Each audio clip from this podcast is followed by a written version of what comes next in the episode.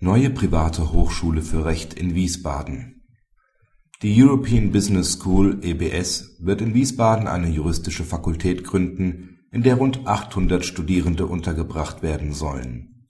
Dies haben Vertreter der hessischen Landesregierung, der Stadt Wiesbaden und der EBS bekanntgegeben. Die NJW hat Prof. Dr. Christopher Jahns, Präsident der EBS, zu dem Projekt befragt.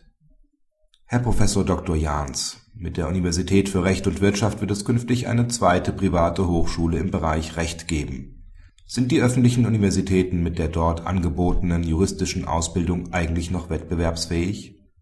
Ja, ich denke, die Angebote der staatlichen Universitäten sind in puncto Wirtschaftsjuristen äh, bei Beibehaltung des Studienziels Staatsexamen nur in Teilen wettbewerbsfähig. Während sich die Ausbildung dort insbesondere auf das Richteramt fokussiert, werden wir von Seiten der European Business School, die ja nun diese Law School aufbauen wird, sehr stark wirtschaftliche Schwerpunkte setzen.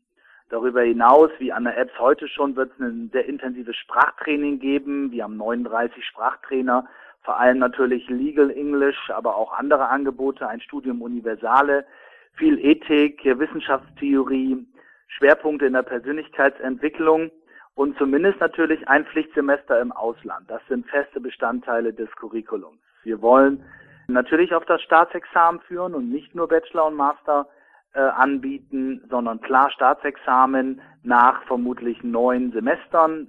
Jedenfalls wird es eine Trimesterstruktur. Nach sechs Semestern gibt es dann den äh, Degree des Bachelor of Law.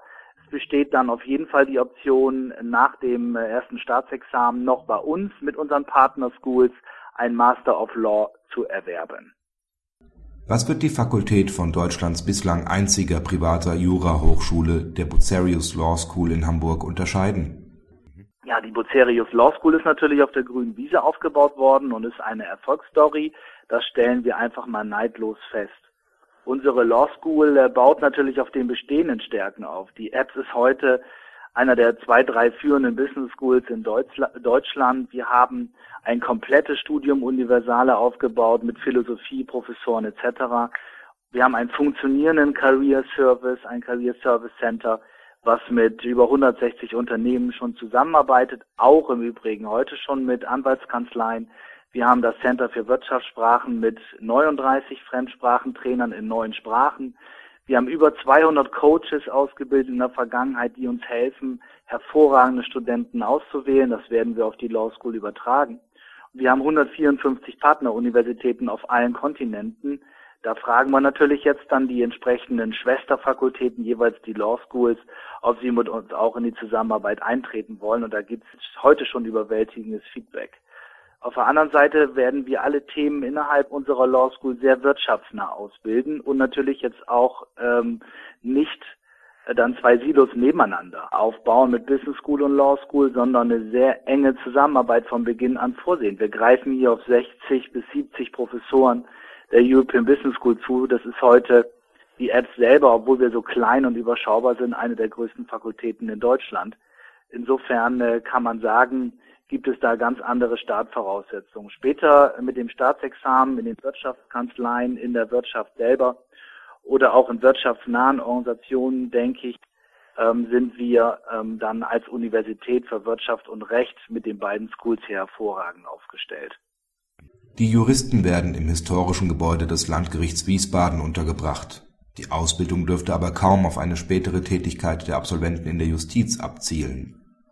Die Ausbildung zielt äh, sehr stark ab auf die Arbeit in Großkanzleien, Banken und Konzernen, die quasi uns von Beginn an gesagt haben, dass sie ein enormes Interesse an sehr gut ausgebildeten Wirtschaftsjuristen haben. Hier für diesen Markt gibt es bisher wirklich nur eine einzige Hochschule, die sich da aufgestellt hat. Wir finden, das ist für den Bildungsstandort Deutschland definitiv zu wenig und diese Marktlücke wollen wir mit äh, schließen. Hier helfen uns ganz wichtig die renommiertesten internationalen Law Schools, ähm, dann über Zweitabschlüsse mit dem Master of Law, dem LLM, aber auch von Beginn an in der Gestaltung des Curriculums ähm, und in der sehr starken wirtschaftsnahen Ausrichtung. Wie locken Sie die Hochschullehrer nach Wiesbaden? Wer wird an der Universität lehren? Man muss einfach sehen, Wiesbaden ist zunächst mal die Landeshauptstadt Hessens, Teil des Rhein-Main-Gebiets Hier gibt es nicht nur kulturell, sportlich oder sonstige tolle Freizeitmöglichkeiten.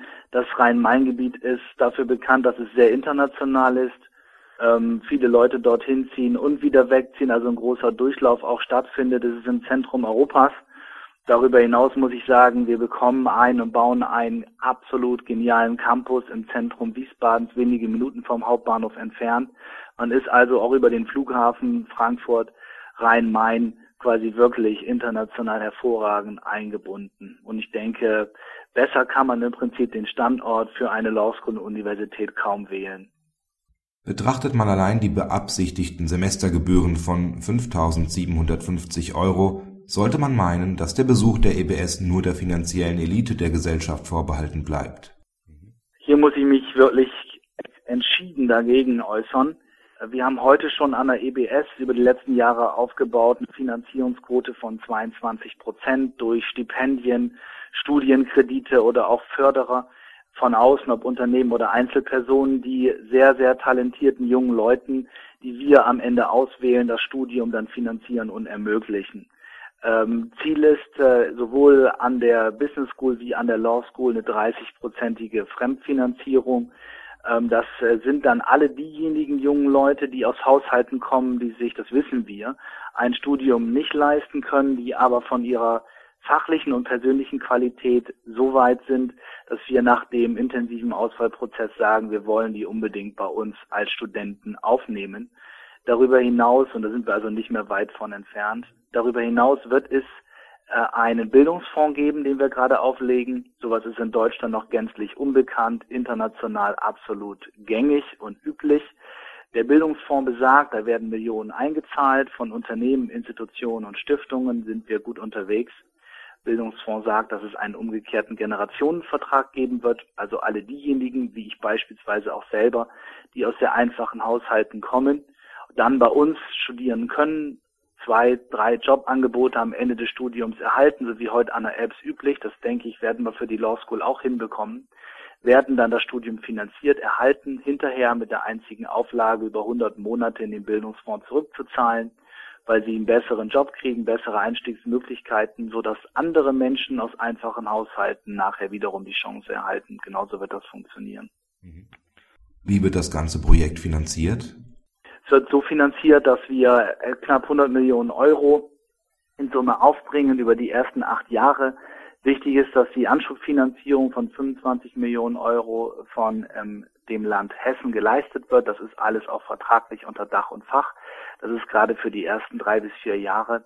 Danach ist die Finanzierung gesichert, a durch Studiengebühren und die Bildungsfonds und Stipendien, b durch äh, zusätzliche Gelder, die uns Anwaltskanzleien und Unternehmen zur Verfügung stellen, für Stiftungslehrstühle, für Career Service Leistungen und C durch einen großen Synergiebeitrag, der natürlich äh, durch die Zusammenarbeit Apps und Law School entsteht. Der Campus wird ähm, durch das äh, Land Hessen und durch uns selber finanziert.